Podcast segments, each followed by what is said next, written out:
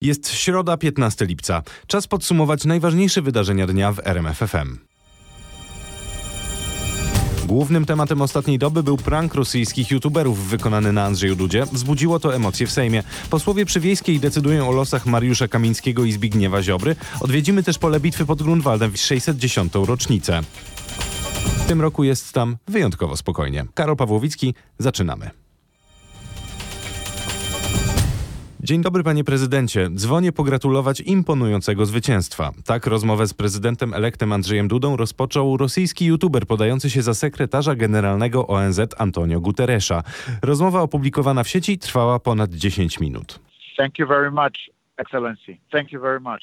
You know that Poland has made a huge contribution We are trying to do our best. Jak wkręcającym udało się dodzwonić do głowy państwa? Główne ostrze krytyki w Pałacu Prezydenckim spada na Krzysztofa Szczerskiego, szefa gabinetu prezydenta odpowiadającego za sprawy międzynarodowe. W Pałacu Prezydenckim ruszyły rozliczenia. Dlaczego urzędnicy kancelarii mają zarzuty wobec Szczerskiego? Po pierwsze dlatego, że prowokatorzy nie dzwonili bezpośrednio na komórkę prezydenta, tylko do kancelarii poprzez Departament Międzynarodowy, a potem gabinet, oba nadzorowane przez Szczerskiego, zostali połączeni z prezydentem. Poza tym, jak Szczerski od razu nie zareagował, tylko miał ukrywać wpadkę przed współpracownikami. Zarzuty są też wobec MSZ-u i wobec służb, bo numer, z którego dzwoni, był, jak słyszymy, na liście telefonów zweryfikowanych. Sama rozmowa była groźna. Kilkukrotnie prowokatorzy próbowali namówić prezydenta do tego, by na przykład Polska dokonała inwazji na Ukrainę, by obśmiał swoich kolegów. Mówili też na przykład prezydentowi, że Donald Tusk martwi się o osoby homoseksualne. Nie wiem, czemu tak się martwi o tych ludzi, może też jest gejem, pytali. One of them. He, don't, he doesn't like me. Nie, po prostu mnie nie lubi, odparł prezydent. Donald, Donald mówił, że też pogorszy pan stosunki z the- Zachodem. No tak, odparł Andrzej Duda. Nie dał się pod tym względem sprowokować. Tłumaczenie i relacja Krzysztofa Berendy. Politycy opozycji mówią o kompromitacji głowy państwa, a całą sprawę badają służby specjalne. Andrzej Duda nie jest jednak pierwszym ważnym politykiem, który dał się wkręcić Władimirowi Kuzniecowowi i Aleksiejowi Stoliarowowi. Generalnie nagrywali ważnych i znanych ludzi, a potem ich nagrania były wyśmiewane w putinowskich mediach. Czasami było śmiesznie, jak wtedy, gdy dzwonili do księcia Harego albo do Eltona Johna, a w tym ostatnim przypadku podszywali się pod Władimira Putina. It's a great privilege to be able to speak to one of the most O, to przywilej rozmawiać z jednym z najbardziej wpływowych ludzi na świecie. Tak cieszył się Elton John. Dzwonili też do polityków, do prezydenta Turcji Recepa Erdoana, do szefa Komisji Europejskiej Jean-Claude'a Junckera, czy do obecnego brytyjskiego premiera, a wtedy szefa brytyjskiej dyplomacji Borisa Johnsona, podszywając się pod premiera Armenii. Próbowali namówić Johnsona do wyśmiewania Putina. President. Mam wkrótce spotkanie z prezydentem Putinem. Mam nadzieję, że nie otruje mnie gazem bojowym Nowiczok. Tak śmiechem zanosił się Johnson, co rosyjska propaganda pokazała jako wyśmiewanie zamordowania przez kremlowskie służby podwójnego brytyjsko-rosyjskiego szpiega Siergieja Skripala, do czego Moskwa się nie przyznaje. Czasami było i bardzo groźnie, bo w trakcie najostrzejszej fazy inwazji Rosjan na Ukrainę mm, panowie prowokatorzy robili co mogli, by ośmieszyć i poróżnić ukraińskie elity, by osłabić ukraińskiego ducha oporu, by pomóc Putinowi. Wygląda na to, że mamy do czynienia z tak zwaną wkrętką, która przy odrobinie złej woli ze strony rosyjskiej propagandy mogłaby mieć szerokie reperkusje na arenie międzynarodowej. Wkręcony prezydent Andrzej Duda próbował całą sytuację obrócić w żart. Jak napisał na Twitterze, w trakcie rozmowy zorientował się, że coś chyba jest nie tak. Sekretarz generalny nie wymawia aż tak dobrze słowa żubrówka, choć głos był bardzo podobny. I hope that you will not spend this evening without.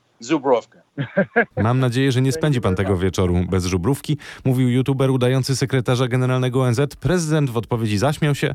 Do śmiechu zapewne nie jest teraz służbom i urzędnikom głowy państwa. Po raz pierwszy od wyborów prezydenckich zbiera się na posiedzeniu Sejm. Posłowie przywiejskiej zajmują się między innymi wnioskami o odwołanie szefa MSWiA Mariusza Kamińskiego i ministra sprawiedliwości Zbigniewa Ziobry. Wynik głosowania jest do przewidzenia, o czym teraz Patryk Michalski, który śledzi sprawę. Biorąc pod uwagę sejmowy układ sił, ministrowie oczywiście pozostaną na swoich stanowiskach. Dla opozycji to jednak okazja, żeby wytykać niedociągnięcia, błędy i wątpliwości. Chociaż wieczorem nie wszyscy posłowie opozycji mogli zadać pytania Zbigniewowi Ziobrze, bo dyskusja została skrócona przez posłankę PiS. Politycy Koalicji Obywatelskiej uważają, że obaj ministrowie powinni odejść ze swoich stanowisk, bo nadzorowane przez nich służby i prokuratura nie sprawdziły się w czasie pandemii. Wśród zarzutów są nieodpowiedni nadzór nad zakupami maseczek, respiratorów czy trefnych środków ochrony, a także brutalność policji podczas manifestacji, które z powodu COVID-19 były ograniczone. Opozycja uważa, że państwo jest, tu cytat, głuche na afery ludzi związanych z władzą. Ministrowie odpowiadają, że to rytualne działania opozycji. Sejmowym rytuałem jest też od kilku miesięcy odrzucanie większości poprawek do ustaw zgłaszanych przez Senat, kontrolowany przez opozycję. Wśród nich znalazła się poprawka o przyznaniu bonu turystycznego 500 plus na wakacje dla emerytów i rencistów. PiS przed wyborami sugerował, że może poprzeć to rozwiązanie, ostatecznie zagłosuje przeciw. Jak ma działać bon w okrojonej formie? To będzie bon cyfrowy. Gdy ustawa zacznie obowiązywać, czyli pod koniec lipca, to każdy chętny rodzic będzie mógł wejść na stronę internetową Zakładu Ubezpieczeń Społecznych. Tam trzeba będzie się zarejestrować i po weryfikacji dostaniemy kod. To będzie kod o wartości 500 zł na każde dziecko lub 1000 zł, jeżeli mamy dziecko niepełnosprawne. Ten kod zapisujemy i podajemy go rezerwując hotel, gospodarstwo agroturystyczne albo kupując dziecku obóz. Przedsiębiorca potem z tym kodem pójdzie do ZUS-u i dostanie wtedy żywą gotówkę. Problem z tym bonem jest taki, że zacznie on działać dopiero w połowie wakacji, ale tutaj ważne zastrzeżenie. Ten bon będzie ważny aż do marca 2022 roku. Jeżeli więc nie wykorzystamy go teraz, to możemy zimą albo dopiero za rok. Bon ma pomóc przedsiębiorcom z branży turystycznej. Turystyka potrzebuje turystów. Tak twierdzą na przykład małopolscy samorządowcy. Proponują kolejny projekt mający na celu ożywienie tej gałęzi gospodarki. Chodzi tu o wydarzenia, rozwój szlaków turystycznych czy działania promujące region, mówi Tomasz Urynowicz, wicemarszałek województwa małopolskiego. Żeby turystyka żyła, nie wystarczy tylko hotel, nie wystarczy tylko transport autobusowy i nie wystarczy tylko restauracja. Potrzeba tworzenia e, pewnej przestrzeni, pewnych wydarzeń, ale przede wszystkim potrzeba aktywizacji turystycznej. 5 milionów złotych to jest konkretne wsparcie dla organizacji pozarządowych. Przede wszystkim na to, by tworzyć pewne wydarzenia turystyczne. Wnioski do konkursu można składać do końca miesiąca do Urzędu Marszałkowskiego w Krakowie. Wróćmy jeszcze na chwilę do polityki. Posłowie dowiedzieli się dziś, jak będą pracować w drugim półroczu. Marszałek Sejmu Elżbieta Witek ogłosiła kalendarz posiedzeń Izby Niższej. Będą one odbywać się e, raz w miesiącu, z wyjątkiem grudnia, gdy posłowie zjadą na wiejską dwa razy. Tajne negocjacje polityczne były jednym z tematów, które poruszył Marcin Zaborski w rozmowie w samopołudnie w RMF FM. Po udanych dla Zjednoczonej Prawicy wyborach prezydenckich PiS szuka nowych sojuszników w parlamencie. My do koalicji z Modliszką się nie wybieramy. Tak na pytania o współpracę z PiS zareagował wiceszef PSL, europoseł Adam Jarubas. Pan na, na Twitterze od razu napisał: Za koalicję z Prawem i Sprawiedliwością dziękujemy, koalicji z PiS nie będzie. Skąd jest ten pomysł, że e, Andrzej Duda chce was wciągnąć w koalicję e, z PiSem? Czy PSL dostało taką ofertę? Y, Formalnie jej nie dostaliśmy, ale można było czytać tak e, te słowa, e, pewnie bardziej jako ukłon wobec naszego elektoratu, czy elektoratu Konfederacji. No tak, ale pan pisał o koalicji chciał- z PiSem, panie pośle. To jest coś zupełnie innego. Mrugnięcie okiem do wyborców, pisanie o tym, że ktoś was chce wciągnąć w koalicję. No, no gdzie było proszenie? E, Odbieramy je nieoficjalnie od różnych osób e, i- rzeczywiście przechodzą różnego rodzaju emisariusze, których tożsamości nie mogę tutaj ujawnić, który, którzy proponują bardzo ciekawe pod względem apanarzy propozycje, natomiast one nas nie interesują, bo wiemy, No, Ale kto to są emisariusze, panie pośle? Kim są ci ludzie? Rozumiem, że nazwisk pan nie poda, ale proszę mi wyjaśnić, nie, kto nie to podam, jest. Ale, ale e, to są różnego rodzaju przedstawiciele obozu władzy, którzy wysyłają różnego rodzaju sygnały, czy to tutaj na poziomie centralnym, czy nawet też e, w regionach, e, którzy właśnie prezentują opcje e, na przeciągnięcie e, części naszych, jeśli nie wszystkich, to części naszych działaczy, czy w parlamencie, zwłaszcza wydaje się atrakcyjna z ich perspektywy zmiana władzy w Senacie, który, który jest dzisiaj po stronie opozycji. Jak mówię. Czyli to są politycy Prawa i Sprawiedliwości? Politycy PiSu przychodzą i to oferują? Posłowie, senatorowie z PiSu? To są, to są osoby z, z tego kręgu. e, Natomiast Z tego tutaj kręgu. Ale czy to są posłowie Prawa i Sprawiedliwości, panie pośle? To są posłowie Prawa i Sprawiedliwości. Czy do końca tej kadencji nie ma takiej możliwości, żebyście zgodzili się na koalicję z Prawem i Sprawiedliwością? To jest moje zdanie. Według mnie nie ma takiej możliwości. O, o tym decydują władze statutowe PSL-u, czyli Naczelny Komitet Wykonawczy, czy Rada Naczelna, ale Nie sądzę, żeby znalazła się taka większość. Pewnie jakieś odosobnione głosy e, w tym ponad 100, 100 osobowym gremium jak Rada Naczelna.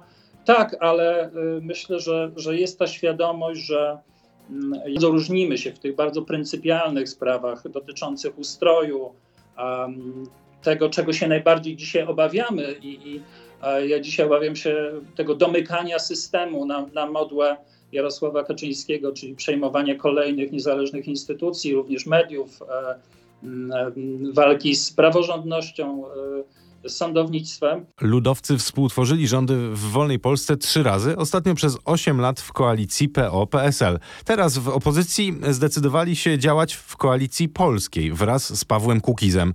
Jednak relacje między politykami PSL i Kukiz 15 nie są najlepsze. Cytat.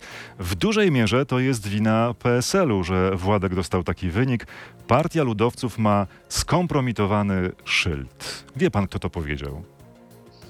Wiem i myślę, że Pana może przyjaciel polityczny tutaj... z koalicji polskiej, Paweł Kukiz. Tak, Paweł Kukiz. Myślę, że musimy, no ja rozumiem pewną atmosferę e, frustracji, która nam się wszystkim udzi po, po pierwszej turze, po drugiej też w jakimś zakresie.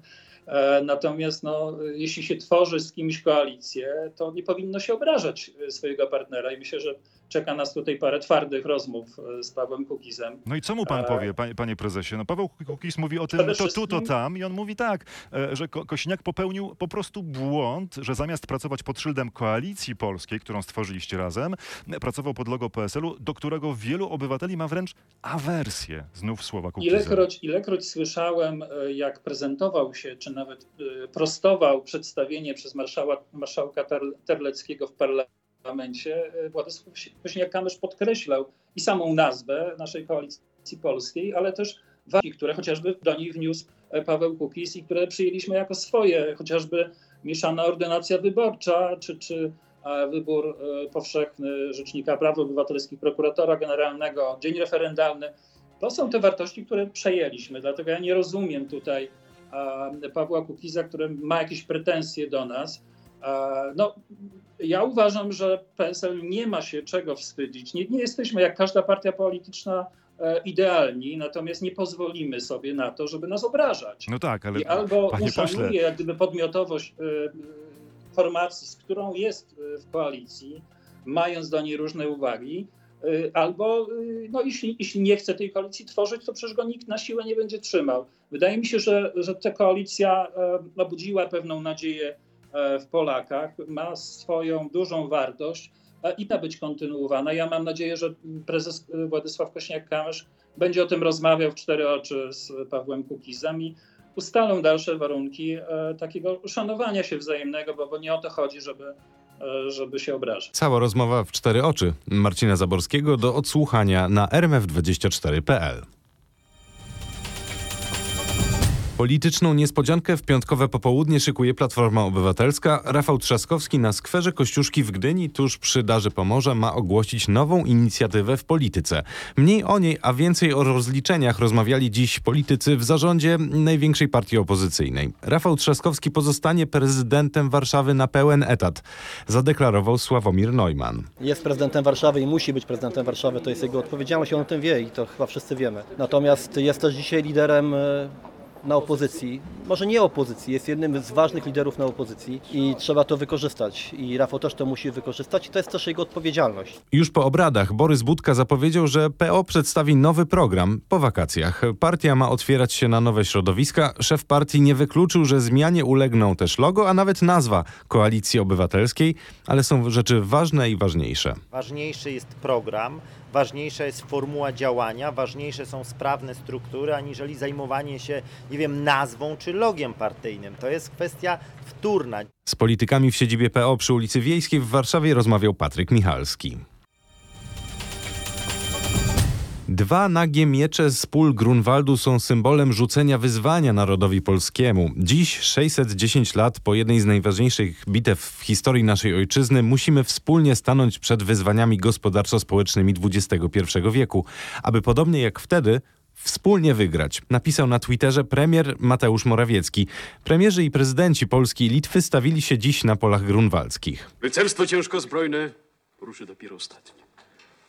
Najpierw Tatarzy, і легкоязда Литовська.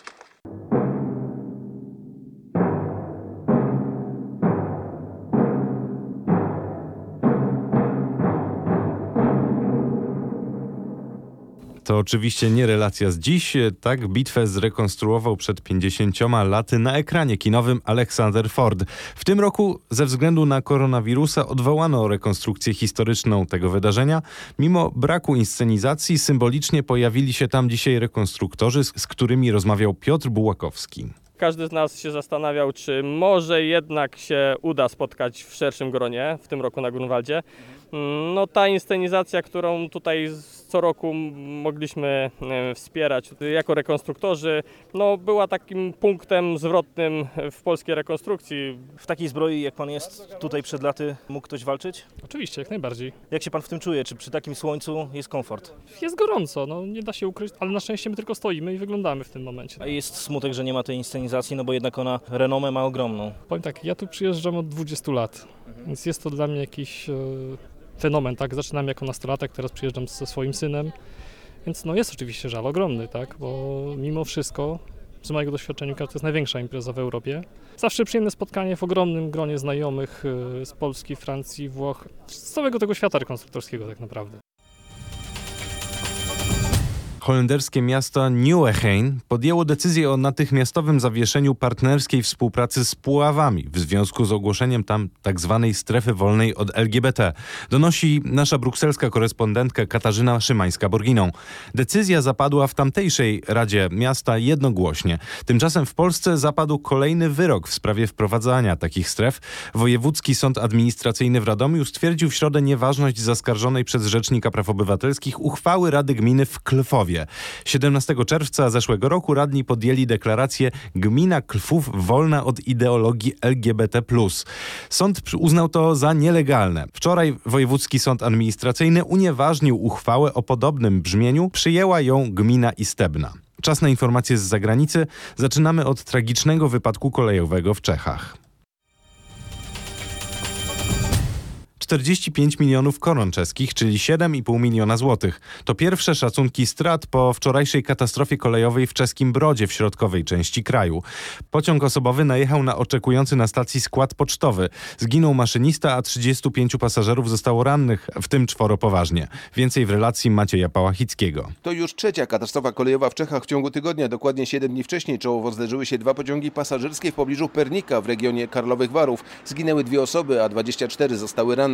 W piątek wieczorem pod Bechowicami na tej samej linii, na której doszło do wczorajszej katastrofy, pociąg osobowy na szczęście bez pasażerów uderzył w czekający skład ekspresowy. W tym wypadku nikt nie ucierpiał. Czeski inspektorat kolejowy uważa, że to błąd ludzki był przyczyną tych katastrof. Jan Hamaczek, szef czeskiego Ministerstwa Spraw Wewnętrznych podał, że według pierwszych ustaleń nie było awarii technicznej, a linia, na której doszło do wczorajszego wypadku jest najlepiej zabezpieczona w całym kraju.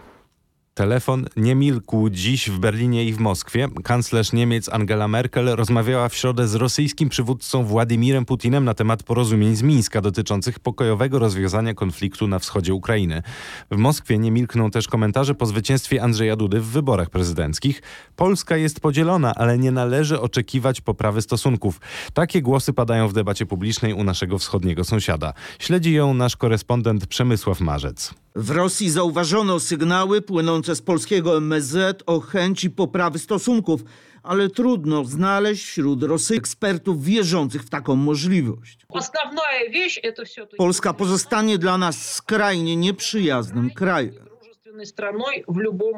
Równocześnie rosyjskie media wskazują, że w wyborach w Polsce nie było prorosyjskiej siły. Obaj kandydaci byli wrogo nastawieni do Moskwy a opis stanu relacji polsko-rosyjskich to niestety nie jest e, wkrętka dwóch youtuberów.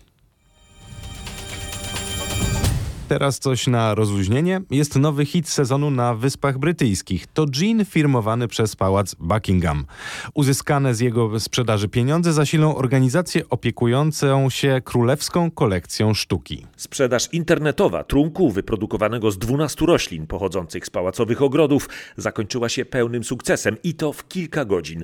Butelki ginu o wartości 40 funtów każda natychmiast stały się rarytasem dla kolekcjonerów. Od 23 lipca powinny być ponownie dostępne w sklepach sprzedających pamiątki na terenie królewskich zamków i pałaców. Na czas pandemii znajdujące się tam galerie zostały zamknięte, co przyniosło straty rzędu 10 milionów funtów. Produkcja Ginu powinna pomóc to odrobić. Londyński korespondent RMF FM Bogdan Frymorgan dysponuje insiderską wiedzą na temat e, dworu Windsorów i potwierdza, że gin to ulubiony trunek królowej Elżbiety II. Do stolicy Wielkiej Brytanii wrócił też bardzo znany i kontrowersyjny artysta.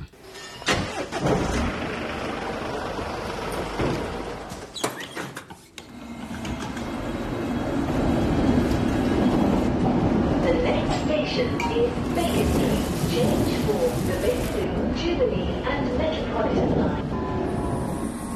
Banksy znowu w akcji. Wygląda na to, że w czasach koronawirusa zachęca do zakrywania twarzy w komunikacji miejskiej. Na zamieszczonym na Instagramie nagraniu wideo ubrany w kombinezon ochronny, maskę na twarzy, okulary i rękawice Banksy, prawdopodobnie Banksy, wchodzi do londyńskiego metra ze sprzętem do dezynfekcji, ale w butli zamiast substancji odkażającej jest farba, której używa do malowania w jednym z wagonów kilku szczurów. Całość nagrania wieńczy utwór I Get Knocked Down, tym razem zmieniony na I Get Locked Down. Wyraźne to nawiązanie do lockdownów pandemii. Metro londyńskie docenia akcję Banksiego, ale graffiti, jak każde, zostanie usunięte. Zajrzyjmy jeszcze do kraju. Gdyby przyszło wam do głowy zasadzić jedną z 12 roślin, wspomnianych przed chwilą, potrzebnych do wyprodukowania królewskiego ginu, jedźcie do Katowic. Mak polny, haber, bławatek, rumianek pospolity, złocień polny to tylko niektóre kwiaty, które wkrótce zakwitną w donicach w całych Katowicach. Mieszkańcy bardzo licznie włączyli się do akcji Zaadoptuj Donice. Polega ona na szukaniu w swoim otoczeniu starych, zapomnianych donic miejskich i tworzeniu z nich łąk kwietnych. Niektóre donice stanęły przy kamienicach w centrum miasta, gdzie tej zieleni bardzo brakuje. Czasami są jedyną zielenią na, na chodniku. Tak te miasta były budowane, że były drogie chodniki i często brakło już miejsca na zieleń i dzisiaj staramy się to w jakiś sposób e, wspólnie z mieszkańcami rekompensować. Czy ta akcja będzie kontynuowana? Akcja właściwie cały czas trwa, ponieważ będziemy obserwowali, jak te łąki rosną. Powstała również mapa online, e, na której wszystkie donice zaadoptowane zostały zaznaczone. Liczymy na to, że mieszkańcy będą nadal zgłaszać donice do adopcji i będziemy zaznaczać na tej mapie donice, które czekają na adopcję. Z Violetą Niziołek-Żądło, koordynatorką projektów społecznych w Katowicach, rozmawiała Anna Kropaczek. Miasto przygotowało pakiety z nasionami, a zaadoptowano już 40 donic. Dużo w podsumowaniu dnia w RMF FM mówimy dziś o rozmowach. Chyba oznacza to, że nie wszyscy dostosowali się do wymogów Dnia bez telefonu, który obchodzimy właśnie teraz, 15 lipca. Czy wyobrażacie sobie na jeden dzień wyłączyć smartfon? Pytała o to Magdalena Greinert. Dałoby radę jeden dzień, myślę. Chyba tak, ale no ciężko by było. Może spróbuję. Może. Spróbuję, postaram się. A ja różnie, nie wiem, no zależy w sumie. Jeżeli byś musiała wyłączyć nie na cały dzień, to na ile maksymalnie jesteś w stanie wyłączyć telefon? Zależy, czy bym była ze znajomymi, czy siedziała w domu w sumie. Jakbym wyszła, to bym mogła go wyrzucić. Nie, ja sobie nie wyobrażam bez. Nawet jednego dnia? Nie, ani jednego. Ja jestem przyzwyczajony już. Telefon jest czymś bardzo przydatnym i nie ma co się go pozbywać, no bo technologia idzie do przodu i powinniśmy z niej korzystać, a nie się jej bać. E, b- przepraszam bardzo. Mm, e, właśnie, są takie chwile, kiedy nie korzystacie z telefonu? Jak się bateria rozładuje. Tak, żeby z pełną świadomością odłożyć. A to tak, znaczy czasem celowo staramy się Staramy to się, zrobić. tak, staramy Też się. Jedną z motywacji jest to, że jesteśmy świadomi, iż różne aplikacje społecznościowe śledzą nas. co czasem jest aplikacje przerażające. społecznościowe śledzą nas. Więc czasem po prostu chowamy tego szpiega. Nie. Cały czas masz go przy sobie. Tak. Nie ma takich momentów, żebyś się pozbyła z premedytacją? No nie ma takich momentów. Przepraszam. A jak jest z tobą? Czy są, ale na pewno nie jak wychodzę z domu, bo to zawsze, nie wiem, dla bezpieczeństwa co najmniej biorę ze sobą.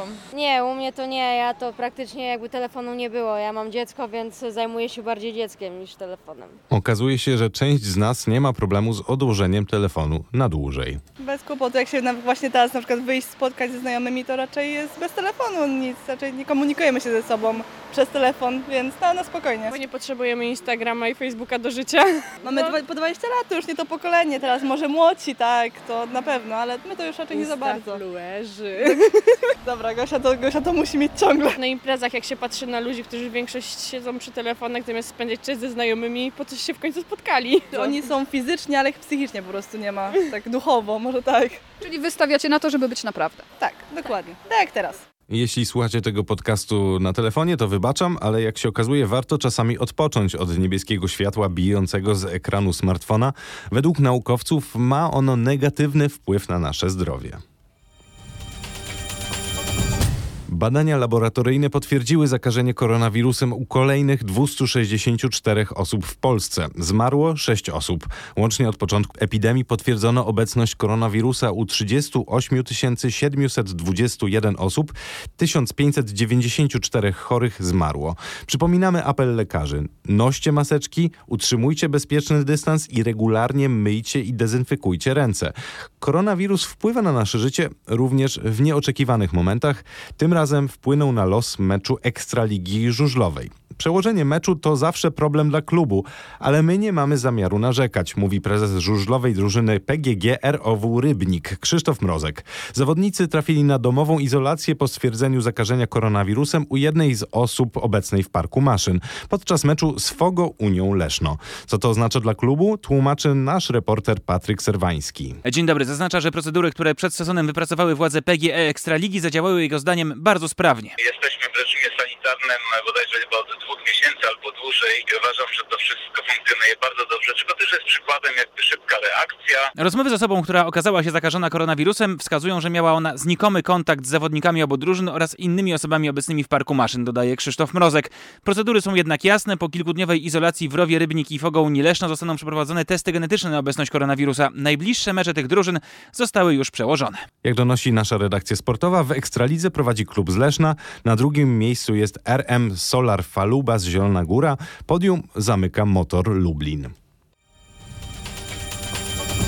Czas na prognozę pogody na jutro. W dzień zachmurzenie duże z większymi przejaśnieniami. Przelotne opady deszczu e, i burze są możliwe na terenie całego kraju. Temperatura maksymalna od 20 do 25 stopni Celsjusza. Nieco chłodniej od 17 do 19 w kotlinach górskich, na wybrzeżu i na Kujawach.